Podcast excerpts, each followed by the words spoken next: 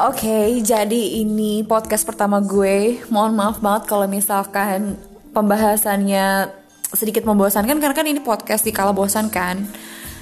Semoga selanjutnya gue bisa kasih podcast yang lebih menarik, yang lebih oke okay, dan gak bikin bosan walaupun nama podcastku ini adalah podcast bosan.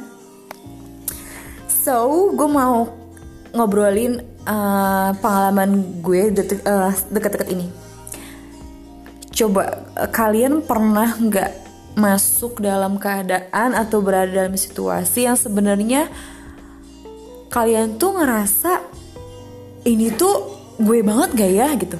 Pilihan ini tuh gue banget gak sih? Nah gue lagi ada di posisi yang kayak gitu yang sebenarnya sekarang gue masih nanya ini tuh gue banget gak sih? Gue tuh ngerasa apa yang gue jalani sekarang itu tuh bukan passionnya gue bukan bukan gue banget tapi gue harus harus ngejalin itu karena sesuatu eh contohnya kerjaan misalkan.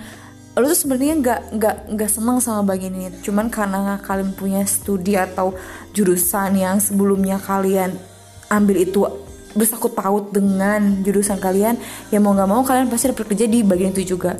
Tapi sebenarnya kalian tuh nggak seneng sama bagian itu. Atau uh, mungkin hal itu bisa terjadi sebelumnya kalian ngambil jurusan karena disuruh orang tua atau hanya ikut-ikutan aja gitu. Jadi bukan benar-benar kalian pengen gitu.